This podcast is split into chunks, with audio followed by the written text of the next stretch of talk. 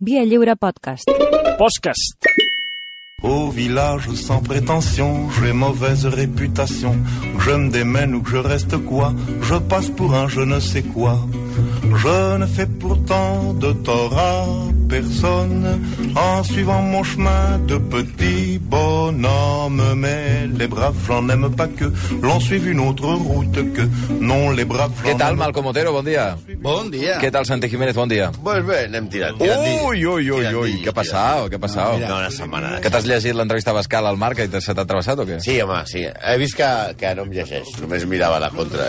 Mira, Bé, això no ho, he, no ho he dit. No ho he dit, perquè la primera... A veure com és la primera frase eh, de l'entrevista, Diu, hombre, los del Marca, yo era más de as, pero solo por la contraportada. que hi havia una que noia... jo escric a vegades, dijous escric, però crec que no ho deia pel meu No, article. no, no, no. Encara hi és? Eh, meu article? La, la noia eh, no, no, la no, contraportada. Fa un any que, la, que es va treure. Es va treure. Um, de totes formes, eh, Tampoc estava... s'ha enterat d'això. No, no, no s'ha enterat. Ah, és veritat, clar, Ja, clar. és- Es, es pensava que encara hi ha... Quina hora té? Bueno, bueno, enhorabona, no? Per, eh, sí, bueno, i a tots, a tots, ens han anat molt bé les, les audiències. Li, Però no, li, li heu portat els donuts? no, com li hem de portar al Toni? Sí. Que està tot el dia reclamant-los per, per Twitter. Home, però és que aquesta manera de fer que té ell, que és aquí mando jo i s'ha de fer el que jo digui... Vols dir que és què una mica agressiu? per cert, Malcolm, va sortir ahir ja el segon dels Premis de Casa Leopoldo, Sí. el, el de no ficció, perquè fa dues setmanes vam anunciar aquí el de, el de ficció, que era per Antonio Soler i la novel·la Sur, i l'ha guanyat Guillermo Altares, No. eh, de, per l'obra Una lecció olvidada, en la categoria, diguem-ne, de no ficció, d'assaig, amb, que és un llibre que tu m'explicaràs. Sí, és un, és, la veritat és que, bueno, el primer que he de dir és que T'has fa, llegit, dues, no? fa dues setmanes que vam, que vam premiar Sur Sí. i una setmana després va guanyar el Premi Nacional de la Crítica És Espanyola. veritat. Vull dir que el, Marqueu- el jurat anava ben marcant encaminat. tendència. Marcant tendència, és que ja ens imiten. No, i aquí, en aquest jurat, que hi havia el Màrius Carol, la, la, la Neus Tomàs, la Milagros Pérez Oliva, el Lluís Bassets, etc, la Patricia Escalona, Sí. I jo mateix, doncs, eh, bueno, aquí va estar molt, vam discutir molt, i però aquest llibre, de Guillermo Altares, és un llibre que parla d'història, Uh -huh. però no és un llibre d'història, és un llibre com, que va com, té com capítols que parla de, de les coves eh, prehistòriques, eh, els Balcans, etc. Cada peça és interessantíssima i és una mirada a la història nova. Miguel Altares és un periodista eh, del, del diari El País que va dirigir Bovelia... eh, Ba- Bovelia, Babelia. Bove- Bovelia és... com Bovelia li és com li diem en, en, en, en petit comitè.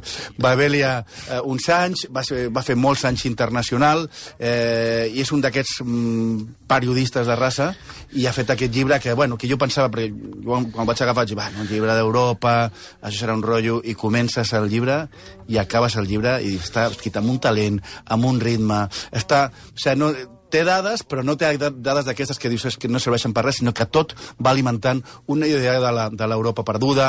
És una mena de viatge, d'una mena de viatge per, per, per la història per la història de- d'Europa. És un llibre magnífic. I el nostre no competia?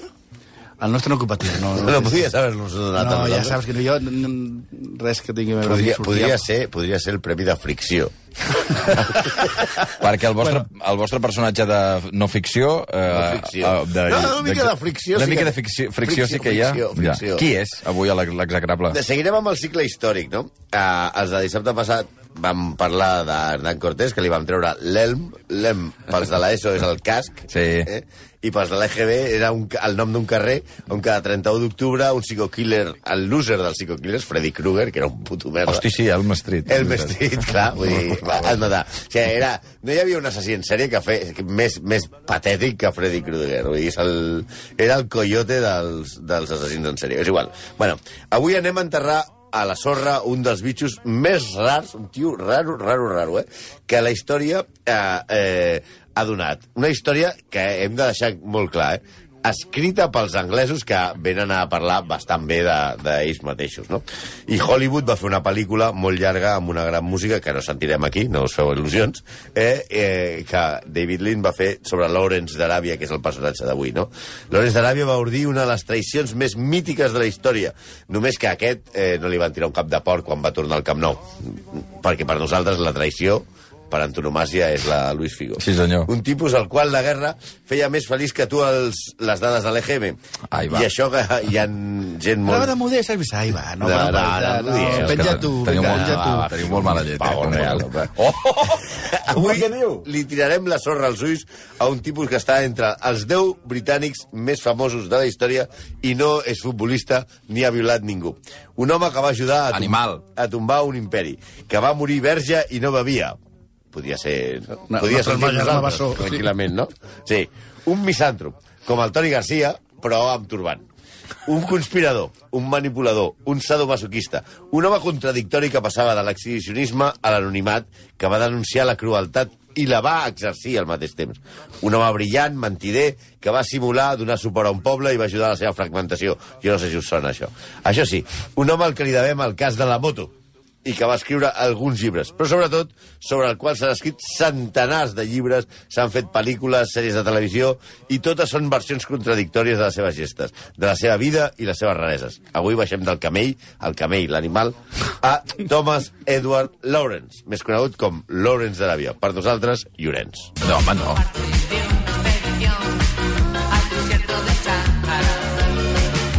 Ara, hombres, què? Sí, bueno, a veure, hem estat a punt, però a punt, a punt, a punt, a punt de posar la banda sonora de Mira que és bona, eh? Ja, però van dir... Sempre esteu a punt de posar música bona. Sí, però van Ah, dir, massa, no, massa maca que- per aquest... t'agrada, no? Mm, No. No, va. Mira, i al final hem posat Hombres G, que parla del Sàhara. El de Sahara, el Sàhara, un tio que estava a l'Egipte. Diu, diu, diu, diu que Llorenç, que el nostre Llorenç enamorava camelles. Vull Li direu no Llorenç tota l'estona? Sí. No, sí, dona't, sí, Llorenç, Llorenç. I, però, bueno, com que no s'entera, dic, mira, posem aquesta. Però a més, a més li, els hi perdonem als d'Hombres G, perquè en aquella època no existia internet. Bé, comencem pel nom, del nom de, de Llorenç, eh? El seu pare, que era un ricàs aristòcrata, que va abandonar la seva dona i les seves filles per la institutriu de les nenes, Oh. que és la mare de Lorenz. Es deia Thomas Robert Tyke Chapman, o sigui, rei de Lorenz. La seva mare, la institutriu, era una escocesa que es deia Sarah Janner. I dius, hòstia, aquí no surt Lorenz per, per enlloc, No. no. Però, perquè aquesta senyora era filla, a la, a la, seva, a la vegada, il·legítima d'un senyor Lorenz que no li va donar el cognom. Així que, a l'estricta Anglaterra d'aquells anys, el nostre Llorenç es va criar una mica apartat de la societat perquè els seus pares no estaven casats i perquè feia servir un cognom d'algú que no coneixia. Saps que jo em pensava que era el nom? Sí, però, però tampoc li tingueu molta pena, eh, que era milionari. Sí, era, no, És és, igual. que el meu pare s'ha anat amb l'institutriu i tal. Tu que... Potó de pasta, que tampoc li tinguem molta pena. El xaval, a més, era bon estudiant a Oxford i destaca en arqueologia. Mm. -hmm. Arqueologia és aquella carrera que, si aneu alguna vegada a la universitat, ja, on no hi ha ningú. Va, va, va, passa. No, va, no, que abans la gent estudiava arqueologia, però Per ara... favor. No, no Va, ha. tira, sisplau. Vale. I li donen una beca al Com Museu vinguin els arqueòlegs aquí sota a esperar-te a la ràdio, veuràs, eh? No, no, no. llet, eh? Milions de Tenen, manifestacions. tenen de- mala llet i, i instruments, Vindran els instruments tre- de vindran els tortura tres. per tu, eh? Vindran els tres. Va, tira. Per favor. Aleshores, Eudal i- Carbonell vindrà aquí, eh? Està... Va, tira, tira, tira, és igual, tira. I li donen una beca al Museu Britànic, que és aquell museu que quan aneu a Londres sempre entreu per dir que heu anat, Sí. perquè és gratis. I dir, no, que has anat a Londres? No, no he anat als pubs, no he anat, no, he anat al Museu Britànic. Perquè és gratis i no pagues, gandul. I se'n va anar a Orient Mitjà amb una beca com a arqueòleg, com va aprendre àrab cosa que se li ha de reconèixer que no és com Cayetan Álvarez de Toledo, Va. que no entén català. Ell va anar a, a Orient Mitjà i va aprendre àrab que és més complicat que el català. Més endavant, el museu el va enviar a la península del Sinaí per excavar, encara que en realitat la missió era fer mapes topogràfics. I aquí hem descobert una cosa, El què? o dels topos. Quins Els topos? talps, els talps. Però, a veure, el talp topogràfic no, no és el talp. No, però és el xiste. Sí, Ah. topogràfics. Eh, els talps no tenen escrot. Sí, ho hem descobert. De la, la investigació surten Però com... un moment, a veure, un moment. O sigui, per voler fer l'acudit, per voler fer l'acudit del topo i el talp, He mirat la he mirat la pàgina Wikipedia A la del Wikipedia dels talps i heu descobert que no tenen escrot. Sí, eh? No, I ens ho voleu fer saber. Sí, sí perquè... perquè... ja està. Random la gent d'aquest programa, que escolta, la, ens devem a l'audiència. Per què tenim aquest EGM? Per què diem aquest Perquè els, perquè els talps no tenen no escrot. tenen escrot. Vale. Bueno, Però tenen... Per... Sí, sí, tenen- tenen testicles.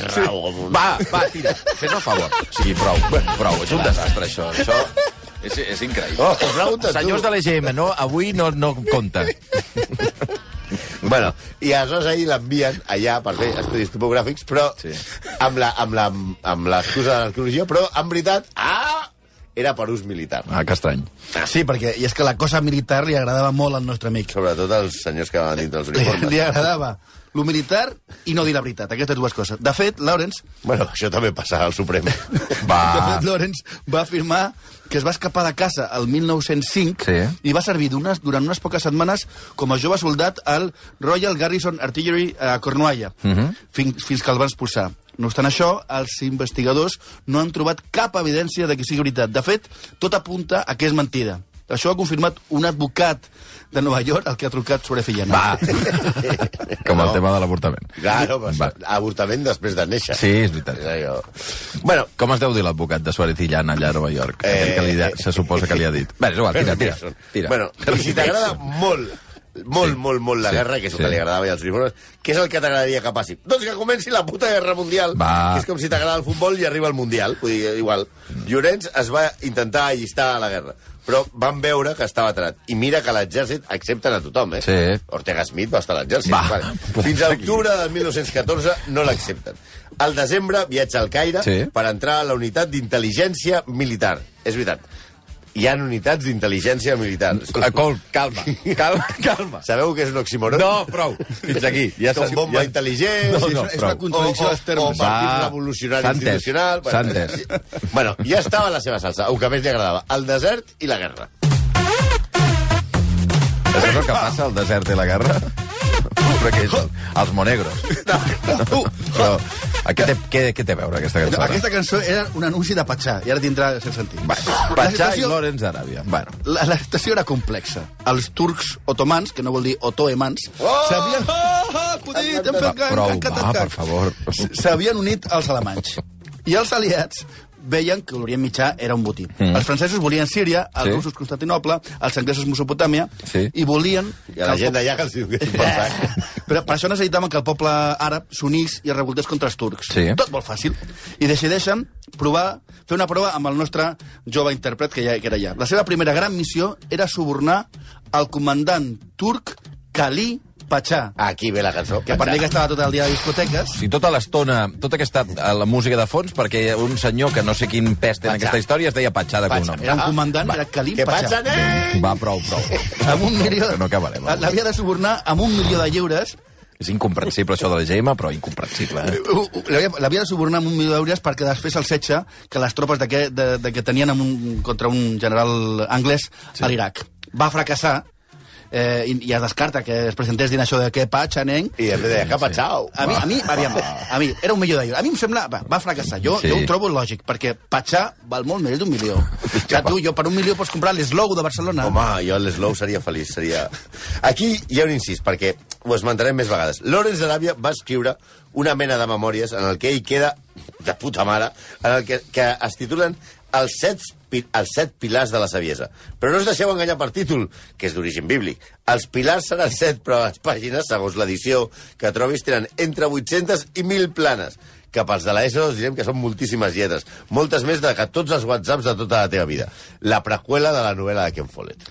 Com dèiem, els àrabs es comencen a unir i el 1916 els turcs es comencen a posar nerviosos Un tour nerviós és molt preocupant, eh? Molt preocupant. Mira les pistes de bàsquet, ara que el Barça anirà... Sí, sí, és veritat, eh? Un tour nerviós, cuidao, sí. eh? I què fan? Pues executen eh, 21 eh, àrabs revoltats a Damasc. No és, no és massa. No, no té massa, perquè són molts. Són molts. I pretenen sufocar un altre focus rebel del, del xerif de la Meca, Hussein ibn Ali, a la ciutat de Hijaz. Els anglesos han d'actuar ràpidament i Lawrence d'Aràbia va com a observador o com a mediador o com a notari, no sé, a les converses amb el xerif. Relator.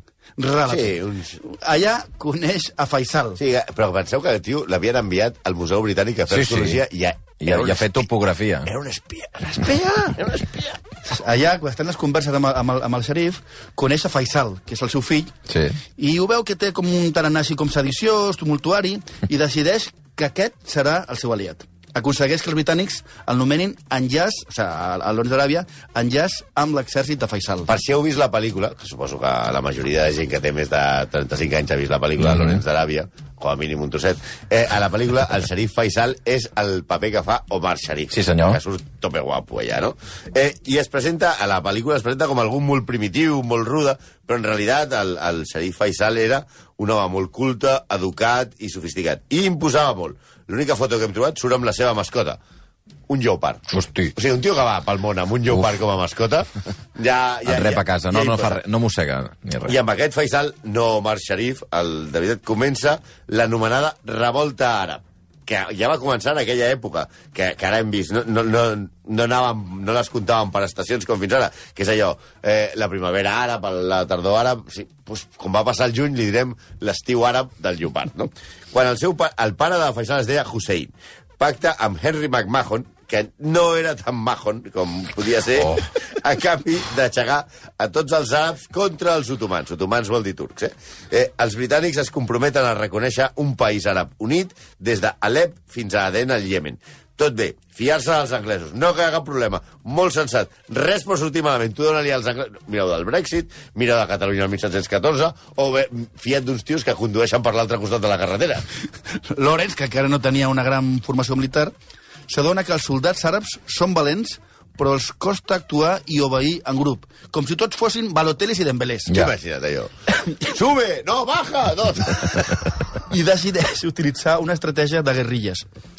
També, mentre arriba l'exèrcit de Faisal, va convencent a totes les tribus de que no ataquin fins que arriben les tropes de Faisal. Vaja, que Lorenz d'Aràbia, que ja s'havia disfressat de beduí, per cert, que serà... Jo sé que és un vestit real i tal, però sembla comprat a AliExpress, eh, quan veu les fotos.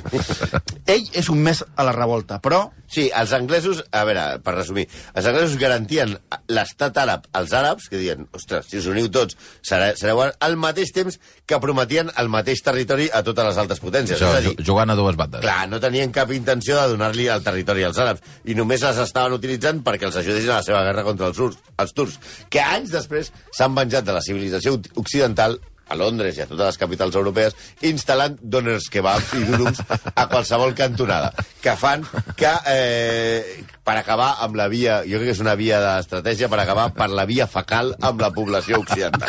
Que, que burros que sou, eh, de debò, eh? Com a Rússia s'havia muntat en aquella època una bona revolució, també un altre moviment sediciós que es va dir Revolució Bolxevic, Sí. van sortir tots els desbruts. En, entre ells un acord, el acord que no ens interessa per res, però ho direm perquè ens agrada molt, l'acord Skies-Picot entre França i els britànics en col·laboració amb Rússia, pel qual, sense que els àrabs tinguessin res a veure, es dividien el territori entre ells. I de país unit àrab, res. El mateix nom ho diu tot, i ho havien d'haver entès. País unit àrab. Pua que és el que els hi va fer, la pua. fins no fa molts anys es dubtava si Lawrence sabia o no sabia que els àrabs estaven donant la vida per unes promeses que no es complirien. La publicació de les cartes demostra que se sentia culpable, però que ell es disfressava i estava molt compromès, però amb la causa... amb- En quina causa? En la d'Anglaterra només. Clar. Era com un membre de Village People, l'obrer, l'indi, el policia, el mariner, l'àrab... Aquesta és una de les coses que queda suavitzada en el llibre i en la pel·lícula, en la qual sembla que ell dimiteix i s'indigna en assabentar-se, en assabentar Però la veritat és que ho sap des del principi. Sí. Ca- Cal dir que al final Faisal, el seu amic, acaba sent rei d'Iraq, que no és el mateix, però bueno.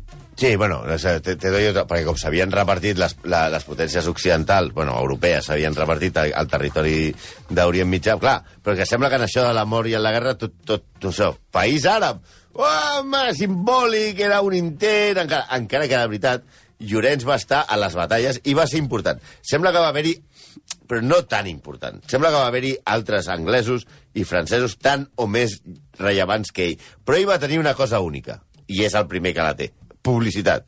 Un americà anomenat Lowell Thomas, fascinat per un anglès disfressat d'home del desert, és que, clar, si aquest tio arribava vestit eh, de, de beduí. Clar, eh?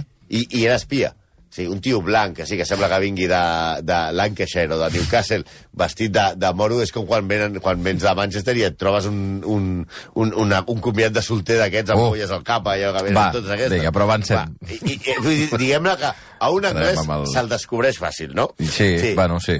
I aleshores li va fer unes fotos, les, la, les va publicar i va escriure uns relats en els que muntava uns shows al Madison Square Garden a Nova York, al Covent Garden a Londres, i aviat Lawrence d'Aràbia es crea com una marca i es fa una estrella. Una estrella mundial, més que Bertino Osborne, més que Arevalo, o sigui, una cosa tremenda. Però, però què va fer exactament a la guerra? Poca doncs cosa. ell va fer explotar, personalment, 72 ponts. El tio, el tio veia un pont i deia... Uh, pont, Fuera. pont! Tenia britxefòbia. Mira, a 1914, quan comença la, guerra, la, la Primera Guerra Mundial, que, només quedava un túnel per completar 1.800 quilòmetres de via eh, ferroviària i unir Constantinople amb la Medina. Era, o sigui, diguem-ne que unia tota la regió, això li donava riquesa, etc. Lawrence va tenir la idea de dinamitar aquestes vies per frenar els desplaçaments turcs. era com el jefe de Rodalies de Catalunya. Mm -hmm. Anava carregant-se els serveis ferroviaris.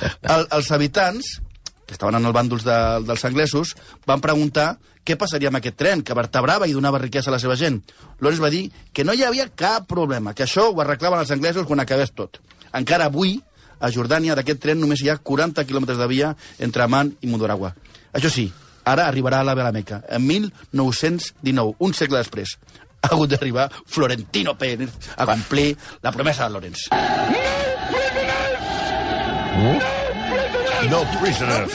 Això és... Hosti, tu. Peter O'Toole. A- Aquesta és la- l'escena de la pel·lícula en el que Peter O'Toole, fent de Lawrence d'Aràbia, envia les tropes dient-li que tractin bé la gent. És a dir, no prisoners. Eh, era un veritable fill de puta.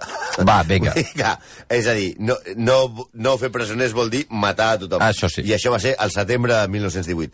I van... Bueno, de fet, no, no és veritat. Sí que van fer presoners, però van ser presoners una estoneta. Els van matar després, van encoratjats per Lawrence, i va fer una veritable massacre. Sí, és una Matar- massacre, eh? Una massacre. Va, Sí, sí. va, va matar a tota de, a tot, morir tots els 1.500 otomans que va persones. trobar. Però encara hi ha més. Segons el seu biògraf, que es diu, un dels seus biògrafs, que hi ha molts, però un d'aquests que, que estan molt a favor, que es diu Michael eh, Corda, que va escriure un llibre Hero, The Life and Legend of Lawrence d'Ara- d'Arabia, és un Muy bien, llibre... eh? És un llibre a La favor... vida i leyenda de Lorenz d'Aràbia. és un llibre a favor sense fissures. Sí. El títol no es podria saber. Explica que, en diverses ocasions, si els seus homes es quedaven ferits de gravetat, ell els sacrificava, els matava, perquè per, per, pels delesos, els pelava perquè no, que, que aquest, aquesta persona no fos capturada per l'exèrcit otomà i el poguessin torturar. És a dir, ¿para què no sufres? Me duele más a mi que a ti. Sí, clar, eh, eh, tenint en compte que les seves batalles ell deia no prisoners i se'ls volia carregar tots, quan, el, quan, els, quan els turcs agafaven algun de l'altra banda, doncs també s'hi si, si estaven estona. Això no semblaria versemblant si no quadrés amb la història que explica el llibre, i que surt també a la pel·lícula, de Gassim, un dels soldats de Faisal, a qui Lawrence salva de perdre's al desert de Nefut no el de Sàhara, com deien els tontos de l'Hombres G. Després d'una disputa entre els clans en què sembla que Gassim ha matat un altre home, Lawrence, ell mateix, mata Gassim, el mateix soldat que ell havia salvat de morir de set al desert, per evitar un bany de sang tribal. Es veu que li havia agafat el gust això de matar. Total, si els trairé després, doncs perquè, bueno, no, per, per, total, els me'ls carrego perquè no pateixin, ja pensaria el tio, diu, bueno, total, el, els haig d'enganyar i me'ls carrego. Tant li agradava la guerra que es va llistar dues vegades més amb noms fals. No se sap si en missió secreta o per pur vici. O sigui, aquest tio era John Rambo, nació pa matar.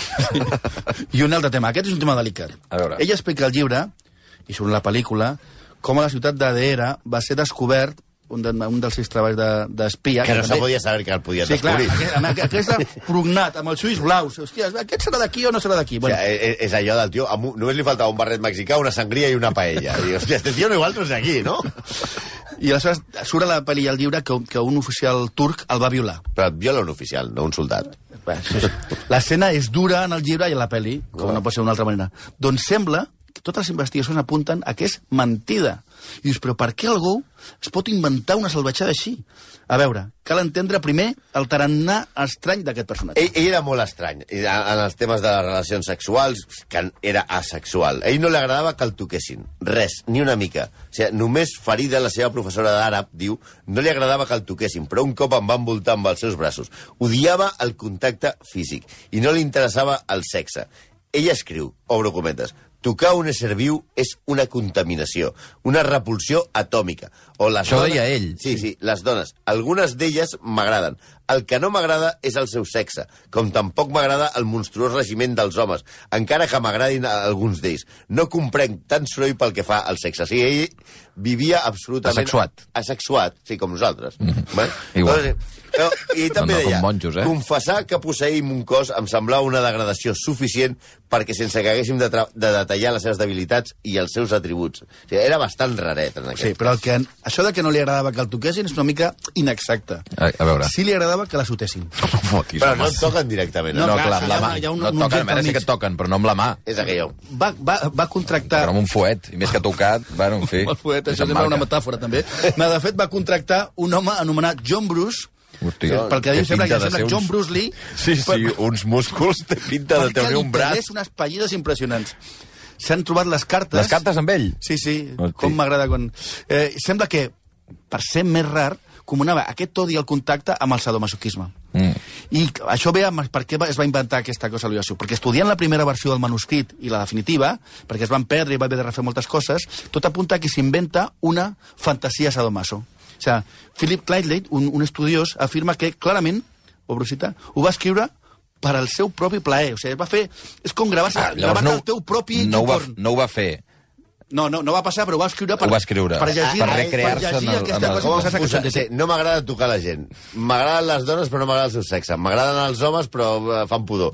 Eh, no m'agrada que em toquin. M'agrada- M'agradaria que em paguessin, i aleshores resulta que el tio s'ho escriu, i el tio es devia, fer- se la devia pelar com un mono. Va, la gravació, oiga, con la gravació J. Alex, superant El va conèixer, Robert, Robert Graves el va conèixer, l'escriptor que va acabar aquí a Mallorca. Diu, el descriu com un home baixet, més, que, més, més aviat de la descripció, molt, molt acurat, Robert Graves, mesurava 1,62. Feia 62 Lorenz d'Aràbia. Sí.